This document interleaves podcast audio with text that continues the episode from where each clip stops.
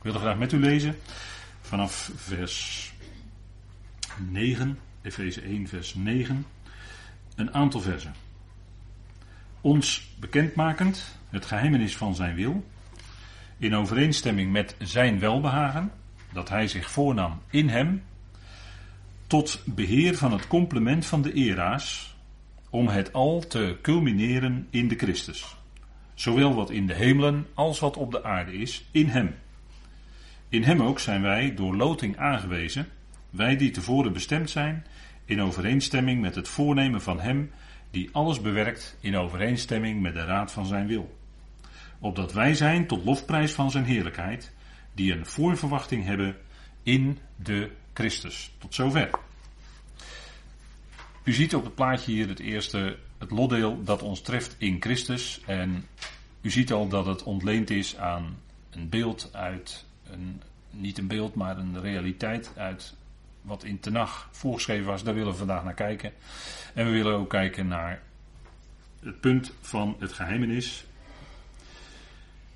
Paulus die noemt dat in vers 9, het geheimenis van zijn wil. En we hebben gezien de vorige keer dat het in verband is met het uh, geheimenis van Christus. Dat Efeze aspect daarvan is heel erg belangrijk als het gaat om ons als gemeenteleden, als het lichaam van Christus. En dan gaat het om geheimenissen, verborgenheid, voor verborgenheden is een wat ander woord, wat uh, ook een wat ander Grieks woord weergeeft. En een periode die we zouden kunnen aanduiden, misschien mag je die aanduiden als de verborgenheid. En daar wil ik ook met u vandaag nadrukkelijk bij stilstaan. Wat doet God in deze tijd en hoe ziet dat, hoe ziet dat eruit vanuit de schrift? Paulus geeft ons in zijn brieven de sleutels, zou je kunnen zeggen, waardoor dat allemaal open gaat en waardoor we ook kunnen zien hoe dat in werkelijkheid zit. We kijken naar die verborgenheid en we doen dat allereerst vanuit de Tenach. Dus ik wil een aantal teksten met u doornemen vanuit Deuteronomium, waarin ook gesproken wordt over de toekomst en zelfs over de verre toekomst van Israël. Profetisch gesproken wordt door Mozes en waarin ook die, wat we dan nu met elkaar even willen doornemen, de verborgenheid. Een bepaalde periode is dat in Gods plan. En dat wordt dus in Tenach in feite al aangegeven, maar dat zie je pas duidelijk in het grotere licht, het veel meerdere licht van de Griekse schrift. De Bijbel lezen we in. Uh, soms wordt er gezegd: je moet het Nieuwe Testament lezen in het licht van het Oude. Dan zeg ik nee, heel nadrukkelijk nee, het is andersom. Je moet de Tenach lezen in het licht van de Griekse schrift. En in het bijzonder de brieven van de apostel Paulus. Dus dat is denk ik even goed om met elkaar vast te stellen. Hè? Wat staat er nu in Deuteronomium 29, vers 29? Want ik kan me zo voorstellen dat u wel eens in gesprek raakt vanuit datgene wat we mogen weten vanuit Gods woord, en dat is genade. Dat is helemaal niets waar, uh, we hebben helemaal niets waarop we onszelf kunnen beroemen. Integendeel, het is uitsluitend en alleen genade dat we wat meer kennis misschien mogen hebben dan andere gelovigen, andere hè, mensen die zich vaak christenen noemen. En dan krijg je vaak deze tekst voor je voeten geworpen. Ja, nee, de verborgen dingen gaan we met elkaar lezen. Deuteronomium 29, vers 29. De verborgen dingen zijn voor Yahweh onze Elohim, de geopenbaarde voor ons en onze zonen, tot de eon, zodat we al de woorden van deze wet doen. Dat was het voornemen. Het volk had nog steeds wat voornemen om die Torah te doen.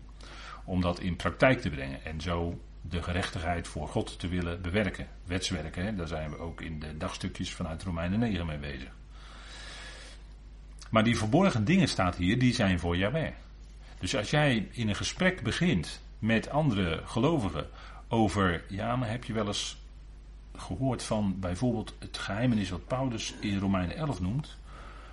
dat de verharding voor een deel over Israël is gekomen. Totdat de volheid der heidenen binnengaat. En zodra je het woord geheimenis zegt, of verborgenheid, dan krijg je misschien wel, als het de schriftkenner iemand is die dat wel meer gelezen heeft, krijg je deze tekst voor je voeten geworpen. Nee, nee, nee, de verborgen dingen zijn voor de Heer onze God. En al die andere dingen die zijn voor ons en onze kinderen, wordt er dan vaak gezegd, omdat het in de vertaling staat. Maar er staat eigenlijk zonen in het meervoud in het Hebreeuws. Voor ons en onze zonen. Punt is dat dit wordt natuurlijk door Mozes gezegd, vlak voordat hij kwam te sterven. Hij mocht het uh, volk niet het beloofde land inleiden. En hij sprak deze woorden tot het volk Israël. En als het gaat dan om ons en onze zonen, gaat het over Israël. En die verborgen dingen, die zijn op dat moment inderdaad voor Yahweh onze Elohim. Maar er, er kwam een tijd dat die verborgen dingen ook daadwerkelijk onthuld werden. En dat gebeurde bij Paulus. En gebeurde in de Griekse schrift. Zodat we achteraf zien hoe dat zit met Israël, hoe het zit met de volkeren, waarom de dingen gebeurden. En Paulus die zegt bijvoorbeeld, ik noem maar wat, hè, ik, noem maar, ik, ik grijp maar een dwarsstraat, 1 Korinthe 10. Dan zegt hij, al deze dingen zijn ons tot typen, tot voorbeelden gebeurd. Dat wat het volk Israël overkwam, dat zijn typen, dat zijn beelden. En daar zouden we lering uit trekken. Zoiets van, uh, zie toe dat uh, jij die meent te staan, zei hij tegen de Corinthiërs. Jij die meent te staan, zie toe dat je niet onderuit gaat of struikelt. De verborgen dingen, die zijn niet voor Israël bestemd.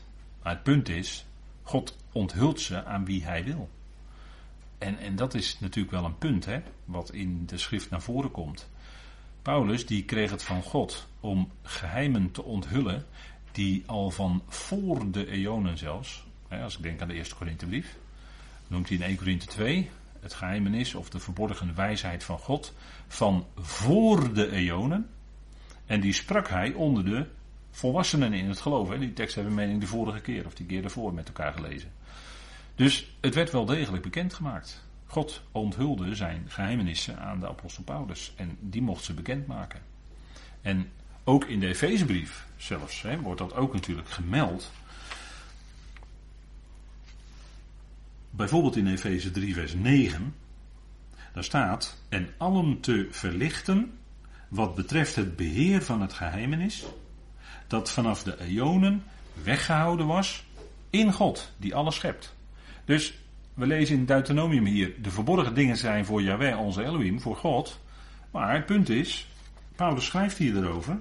En Paulus mocht dat beheer van het geheimenis bekendmaken. En dat beheer van het geheimenis heeft, is een deel van wat we dan zeggen de verborgenheid. Dus een periode die in Tenach niet aangekondigd was. Die hoogop achteraf kan zeggen, die staat in een komma. Bijvoorbeeld toen de Heer Jezus sprak in de, in de Shul in Nazareth. Toen hij zei, en hij zocht bewust heel, hij zocht heel bewust op Jezaja 61. En toen zei hij, dat nu is het aangename jaar van Yahweh. En toen stopte hij met lezen, want het was nog niet de dag van wraak van onze God. Dus dat las hij heel bewust op dat moment niet. En dat had te maken met die verborgenheid ook. Die, zou, die ze aan zou gaan breken. Dus, en daarin, wij weten achteraf dat in die komma, dus het wel aangename jaar van de Heer, komma, een dag van wraak van onze God, dat in die komma, laten we zeggen, grofweg 2000 jaar zit. Maar dat weten we achteraf. Om, vanuit het licht, het veel meerdere licht van de Griekse schrift. Deuteronomium gaan we nog even naar kijken. Deuteronomium 31, vers 17. En dat is profetisch, wordt dat door Moshe gezegd over Israël. En Moshe was de profeet, in feite, een profeet en een leider van het volk. Hij sprak de woorden van God. Hè. En dan staat er, en mijn kwaadheid is heet tegen hen in die dag. En ik zal hen verlaten en mijn aangezicht voor hen verbergen.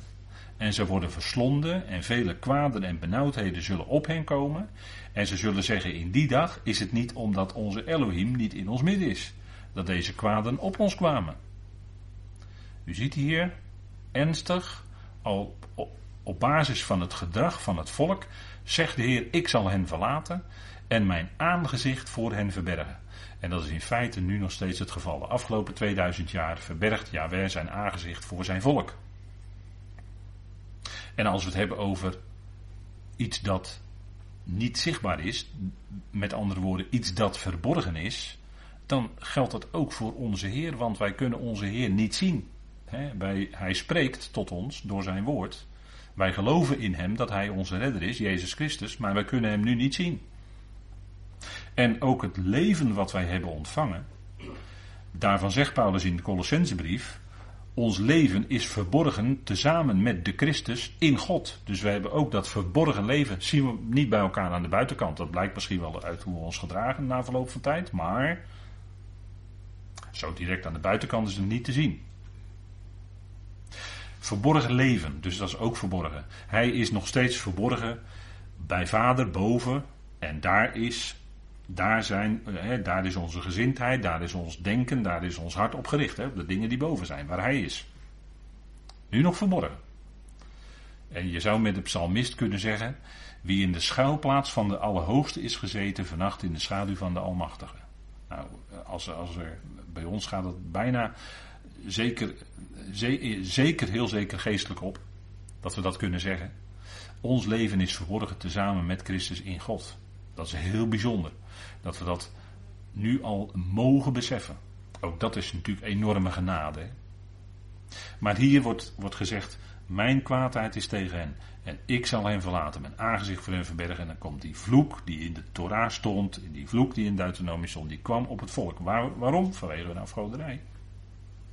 Want vers 18 zegt: Ik zal verbergen, ja, verbergen mijn aangezicht. Dat is heel vaak in het Hebreeuws dat het woord wordt herhaald en dan meestal in de vertalingen staat er: Ik zal zeker verbergen of ik zal volledig verbergen. Dan willen ze het uh, stilistisch in het Nederlands mooi vertalen, maar ik doe het liever zo, zoals het Hebreeuws het zegt: Ik zal verbergen, ja, verbergen mijn aangezicht. Dan heb je meer nadruk, dat is een stijlfiguur. In die dag, vanwege al het kwaad dat zij gedaan hebben, want ze hebben zich naar andere Elohim omgekeerd. Dus ze zijn andere goden, vanuit het woord Elohim met een kleine letter. Maar dat is in het natuurlijk allebei hetzelfde. Zowel Yahweh Elohim als hier Elohim voor goden. Ze hebben zich naar andere Elohim, afgoden, gekeerd. En de schrift noemt dat overspel, met andere afgoden plegen. Want hun man was sinds de verbond wat gesloten is op de Sinai, was Yahweh, maar zij gingen andere mannen, zegt de profeet ook achterna, hè? andere goden. En vandaar dat als gevolg daarvan, als uh, een vorm van gericht, dat Yahweh zijn aangezicht voor hen verbergt. En natuurlijk is dat al eerder gebeurd. En zij gingen in ballingschap. Hè, zij gingen in gevangenschap of in ballingschap. En nu is het al 2000 jaar. Ja, wat de rabbijnen zeggen, de Edomitische ballingschap, hè? toen ze het land uitgejaagd werden in het jaar 70 en toen Jeruzalem en de tempel verwoest werden door Titus. En nu al 2000 jaar. En wij weten dan vanuit de profetie twee dagen. Hosea, hè, Hosea 6. Na twee dagen zal ik jullie doen herleven. Na twee dagen zal ik jullie doen opkomen uit jullie graven. Dat wil zeggen, ze waren er niet meer. En in die zin, in beeldspraak gesproken, dood. Als volk waren ze niet meer. Maar zei de Heer niet in Deuteronomium. En, zij, en herhaalde andere uh, gelovigen uit Israël dat ook later niet. Dat de Heer zegt: Ik dood en doe herleven. Maar dat is ook van toepassing op het volk Israël. Ik dood, ik breng ze in, ik doe ze ten ondergaan in die volkeren. En dan zijn ze er niet meer, dan zijn ze als waren ze dood. Maar hij zal ze ook weer doen terugkeren. En dat is natuurlijk de geweldige hoop, dat is de, beter gezegd, verwachting die zij ook zij hebben. 2011 heb ik erbij gezet, dat is uit de geschiedenis van Jozua. Toen ze het land binnentrokken, toen gingen eerst de levieten met de ark voorop en 2011 daarna kwam het volk. En dat is waarschijnlijk ook een typologische aanduiding. Maar goed, dat uh, zullen anderen misschien bestrijden. Maar ik denk dat dat wel zo is. Een typologische aanduiding van de afgelopen 2000 jaar. Waarin zij opnieuw en dan onder de ware Jozua. Of onder de ware Jozef. Of onder de ware Jacob. Allemaal aanduidingen van de Heer natuurlijk. Zullen zij het land binnentrekken. Natuurlijk. Onder zijn leiding. En wellicht kan het zijn dat hij dat gelovige overblijfsel, wat zich in Petra in die rotsen daar had opgehouden, dat hij dat ophaalt en met hen het land binnentrekt. En dan vraagt u zich af, zijn wij daarbij? Dan zeg ik, ik denk het niet. Ik denk dat dan wij boven zijn. Ik denk dat wij daar niet bij zijn. Misschien zien wij het bij gelegenheid van bovenaf. Een gedeelte. Zou kunnen. Maar die 2000 jaar, twee dagen, 2011, dat is de periode waarvan je kunt zeggen dat is in de schrift de verborgenheid. Kijk, als we even teruggaan nog naar Deuteronomium 29, dan als u die leest, en misschien laten we dat nu maar even liggen om, des, om destijds willen, zoals we dat dan zeggen. Dan lees je eigenlijk in Deuteronomium 29, vers 28 de ballingschap of de gevangenschap. Hè? Dat zijn wel verschillende woorden in het Hebreeuws. En dan in vers 29 lees je dus over die verborgenheid. Hè? Dus de verborgene dingen zijn voor Yahweh onze Elohim. En de geopenbaarde zijn voor ons, voor ons en onze zonen, voor Israël. Dat wat hij in de Torah had neergelegd, dat was geopenbaard. En dan lees je in Deuteronomium 31 dus, wat we net gelezen hebben, het verbergen van het aangezicht van Yahweh. De verborgenheid. Hij verbergt nog steeds, en de profeten herhalen dat ook. dat, het Hebreeuwse woord is satar voor verbergen, dat zit ook in de naam Esther. Het verbergen van Jahweh's aangezicht. En juist het boek Esther is ook een plaatje eigenlijk van de tijd waarin Israël nu leeft. Want in het boek Esther wordt de naam van Yahweh wordt niet expliciet genoemd. Mogelijk wel in de vorm van een, uh, een, een reversie, hè, dus een omkering. Dus dat die naam omgekeerd terug te vinden is in de Hebreeuwse tekst. Hè. Dat, daar schrijft uh, bijvoorbeeld uh, Dr. Bullinger schrijft daarover. Dus die naam is mogelijk op een verborgen manier wel aanwezig in de tekst van Esther. Maar de naam van God wordt niet expliciet genoemd. Maar in het boek Esther zien we wel heel duidelijk hoe God met dat volk handelt. Hij redt ze van Haman, van de plot, hè, over complotten gesproken, over het complot van Haman.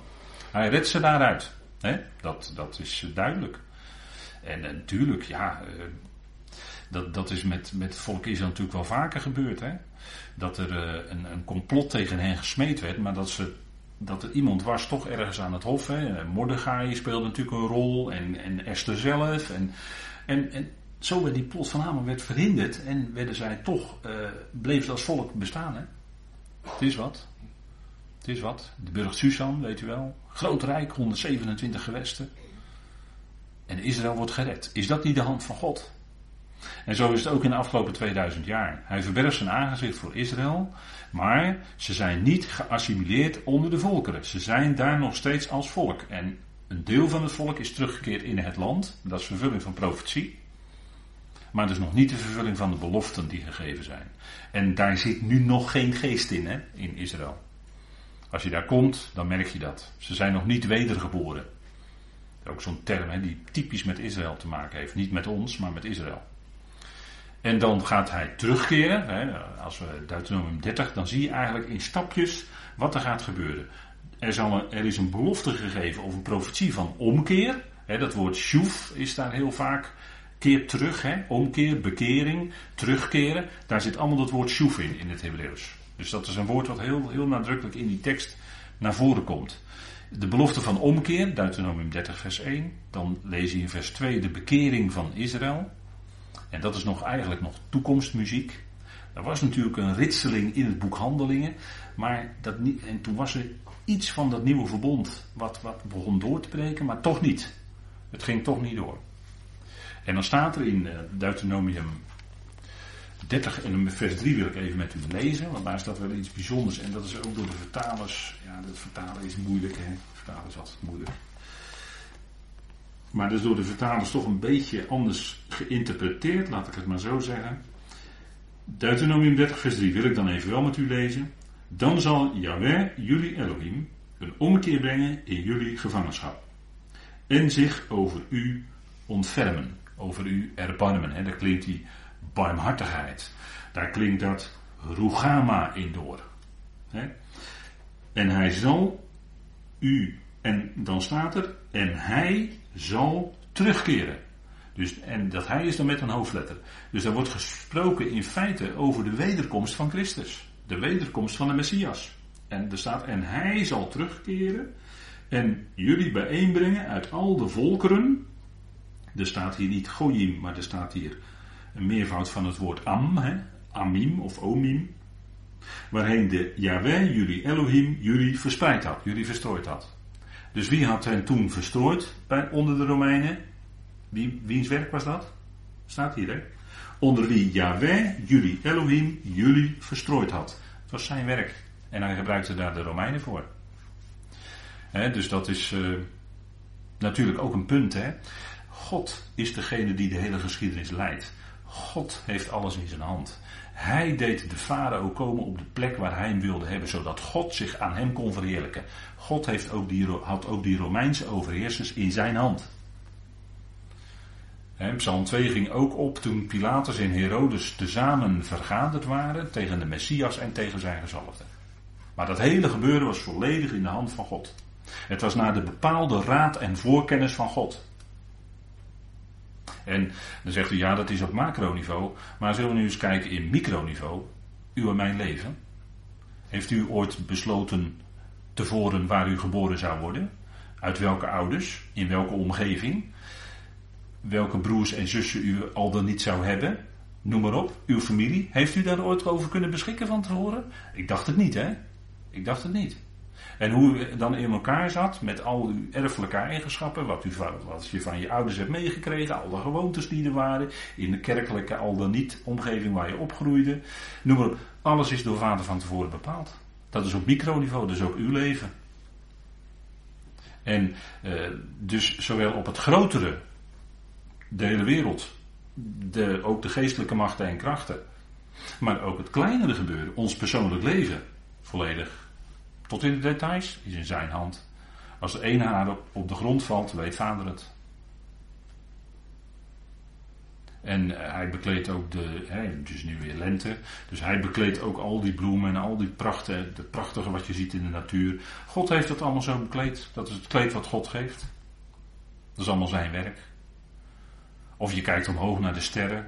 Nou, dan zie je dat daar ook sprake is. Hè? Nacht aan nacht predikt kennis en dag aan dag predikt God door zijn schepping. Over typologie in de natuur gesproken.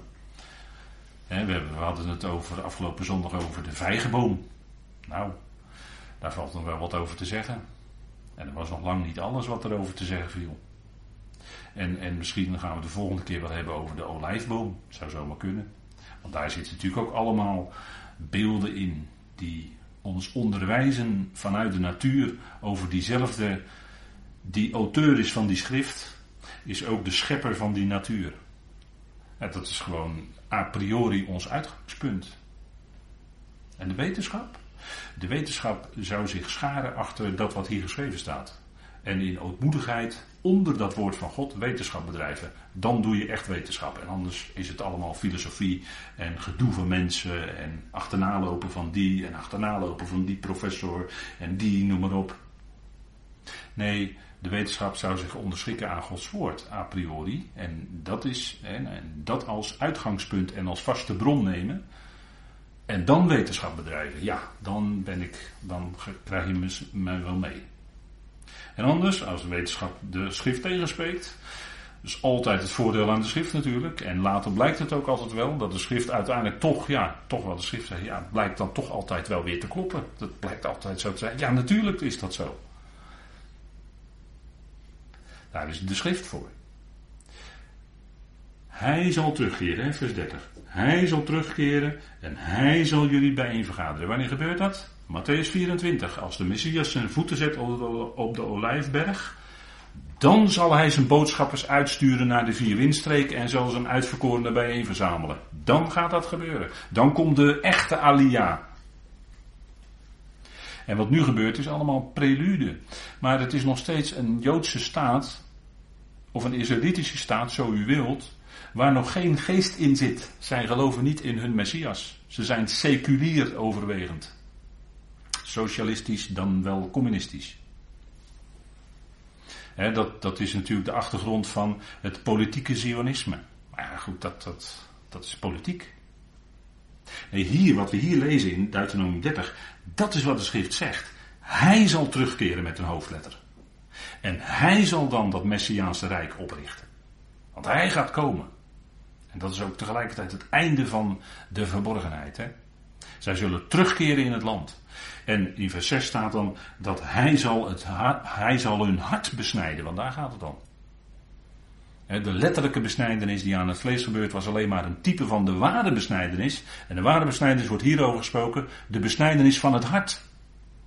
Zodat die bedekking die nu nog op het hart ligt door het lezen van Mozes wordt weggesneden. En zij zullen zien wie ze doorstoken hebben. Dat zal hij dan bewerken in hen. Ja, dat is natuurlijk geweldig, hè, wat allemaal gaat komen voor Israël. Kijk, markeringen van de verborgenheid, die komen we tegen in de Griekse schrift. En ik wil met u een aantal doornemen om aan te geven hoe dat dan in die Griekse schrift wordt aangegeven. Hè. Vervolgens in een aantal schriftplaatsen. En, een, en een bekende is ook Matthäus 11, waarin als hij wordt afgewezen, en dan zegt hij, wee u Gorazin, wee u Bethsaida. Want als in Sodom en Gomorra de tekenen waren gebeurd die in jullie, ze zouden zich in Zakkazaas bekeerd hebben, zei de Heer. Maar Gorazin en Bethsaida bekeerden zich nogthans niet, ondanks de woorden die hij sprak, ondanks de tekenen die hij deed. want de wonderen die hij deed waren ook altijd tekenen van iets. Op dat moment antwoordde Jezus en zei, en hij bad, ik beleid u van harte, Vader, Heer van de hemel en van de aarde, dat u deze dingen verbergt voor wijzen en intelligenten en ze onthult aan onmondigen. Ja, Vader, want zo is het. Zo, want het is zo een welbehagen geworden voor u. Dat is Gods welbehagen om dat te doen. Hij geeft het niet aan mensen die. En het gaat ook niet om intellect. Het gaat om geloof. Het gaat om een hart wat gelooft. We lazen net, ik noemde net de besnijdenis van het hart. Daar gaat het om. Het gaat erom, want met het hart gelooft een mens. Dat is niet zozeer in de eerste plaats intellect hier. Nee, dat is horen van het evangelie en dat geloven. En je merkt vaak bij mensen die uh, intellectueel bekwaam zijn of wijs zijn of gestudeerd zijn of wat dan ook. Dan merk je dat dat vaak een belemmering is. Een belemmering om gewoon eenvoudig te geloven wat de schriften zeggen. En dat is ook wat Paulus natuurlijk zegt in 1 Korinthe 1. Hè? Maar hier geeft de Heer het al een beetje aan, hè? dat u deze dingen verbergt voor wijzen en intelligenten en ze onthult aan onmondigen. Tweede markering van de verborgenheid zien we in Matthäus 13.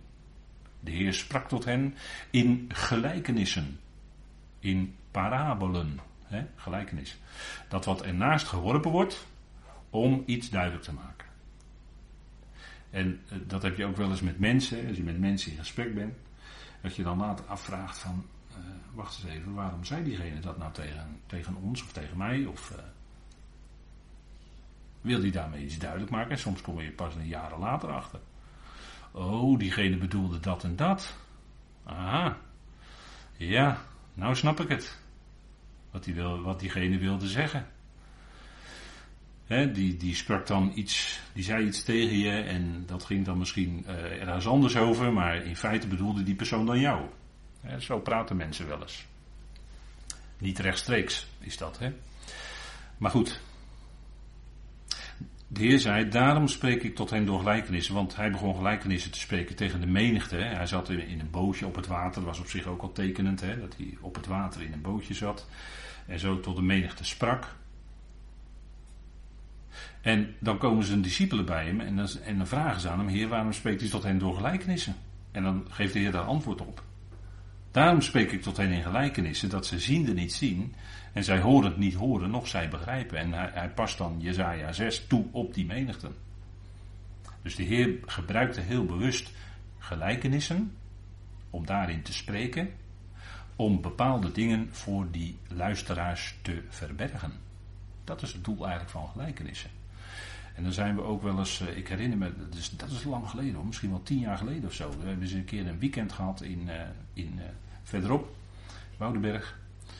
En toen hebben we ook met elkaar gesproken over gelijkenissen.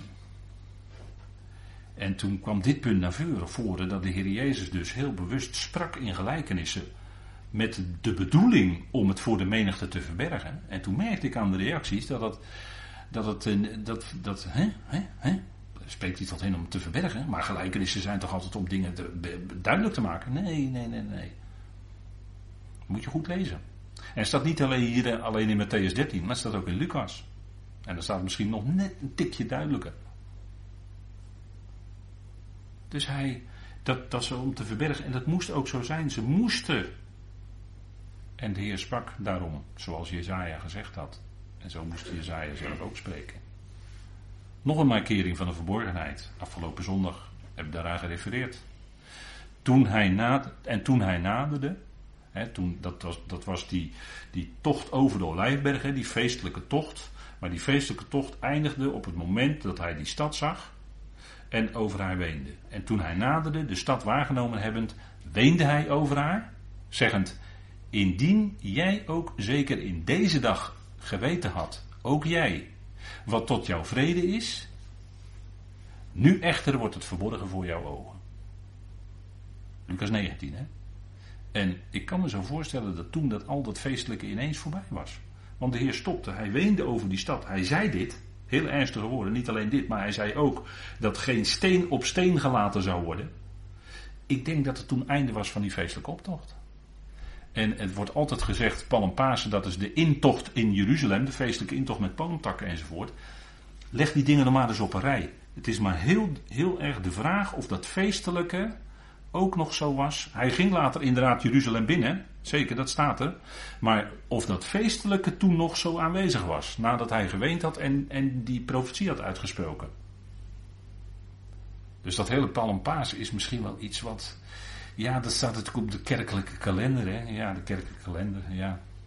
Kijk, als je nou de kerkgeschiedenis een beetje gaat bestuderen, dan zie je bijvoorbeeld dat Pasen door de kerk eigenlijk uit antisemitische motieven is ingesteld. Dat was gewoon om de Joden duw te geven. Zo, wij eigenen ons dat Pasen toe, wij eigenen ons dat Pinksteren toe. Nee, dat zijn de gezette tijden die God aan, die Yahweh aan Israël had gegeven en niet aan de kerk. Want de kerk bestond toen nog helemaal niet in Leviticus hoor. Bij lang en na nog niet. Dus het is de vraag of die hele kerkelijke kalender, of die ook niet gewoon op de helling moet. Ik denk het wel. Ik denk het wel. want het zijn gezette hoogtijden die aan Israël gegeven zijn. Kijk, en als het gaat om, eh, als u dan reageert in de zin van, ja, maar mogen wij dan niet de opstanding van Christus vieren? Dan zeg ik, nou, dat doen we toch het hele jaar. Dat doen we toch dag aan dag. Dan staan we toch, elke dag staan we toch op. En dan denken we aan de opstanding van Christus. Of is dat dan zo gek dat je het hele jaar daaraan denkt?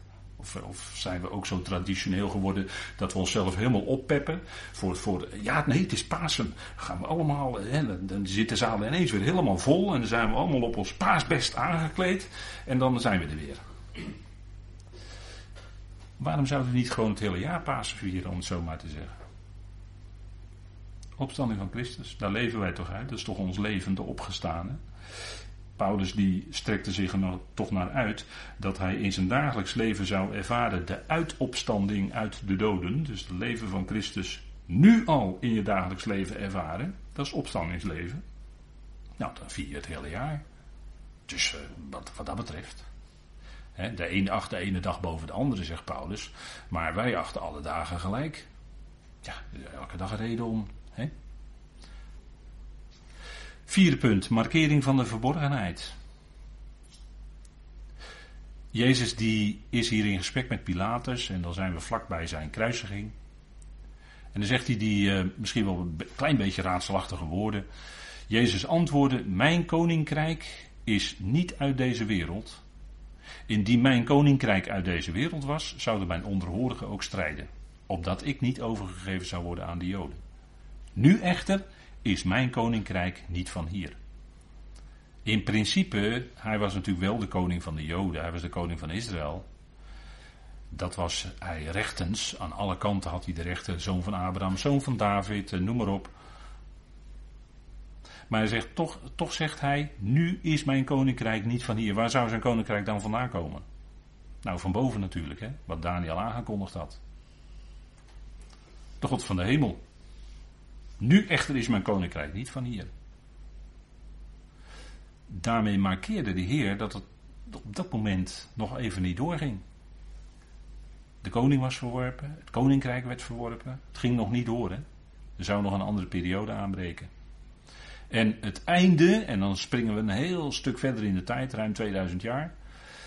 Het einde van de verborgenheid lezen we eigenlijk in Openbaring 5. Of in Openbaring 10, sorry. Openbaring 10, vers 7. En er staat in de dagen van de stem van de zevende boodschapper. Wanneer hij ook op het punt staat te bazuinen, wordt het geheimenis van God ten einde gebracht. En dat ten einde brengen staat hier in de aorist, hè, als een feit. Dus op dat moment dat die zevende boodschapper, je krijgt eerst krijg je de zegels die verbroken worden, dan krijg je zeven bazuinen en bij de zevende bazuin komen de schalen, komen nog zeven schalen. Hè. Zo is openbaring wat ingedeeld. Maar als die zevende boodschapper gaat bazuinen, dat markeert dus het einde van de verborgenheid. Wordt het geheimenis van God ten einde gebracht. Dan zal duidelijk blijken voor de hele wereld dat die God van Israël er wel degelijk is en dat hij ook ingrijpt. En dat gaat hij doen. Snel, hevig, diep ingrijpend. En het hele zaakje, dat lazen we van, vanochtend in Psalm 63, opdat alle leugenwoorden gestopt worden. Nou, dat gaat dan stoppen. Dat gaat dan stoppen. Dan komt hij die de waarheid is. En dan stoppen al die leugenmonden. En daar zullen we dan, eh, nou, daar kijken we naar uit, want daar zullen we heel blij mee zijn. Als eigenlijk echt de waarheid eens een keer op tafel komt. Maar die komt ook wel op tafel hoor, dat blijkt ook wel. Als je daar oog voor hebt, ook nu, ook nu blijkt het, door alles wat uh, op tafel gelegd wordt. Maar goed, nu is het verborgen voor jouw ogen. Ik heb hier even voor u geprobeerd het in een schemaatje op te zetten. Als nog een resume. Anders zegt u misschien, ja, waar gaat het allemaal over, al die teksten? Nou, hier even geprobeerd voor u op een rij te zetten. Israël was onder de wet tot aan de kruisdood. Dan spreekt de Heer die woorden uit: Nu is het verborgen voor jouw ogen, Jeruzalem. En dan gaat in feite de verborgenheid lopen. Wat eerst een periode is dat die geheimenissen van het koninkrijk van de hemelen, waar de Heer over sprak, in, en andere gelijkenissen ook, dat die zijn vervulling krijgen in hoe het met Israël gaat.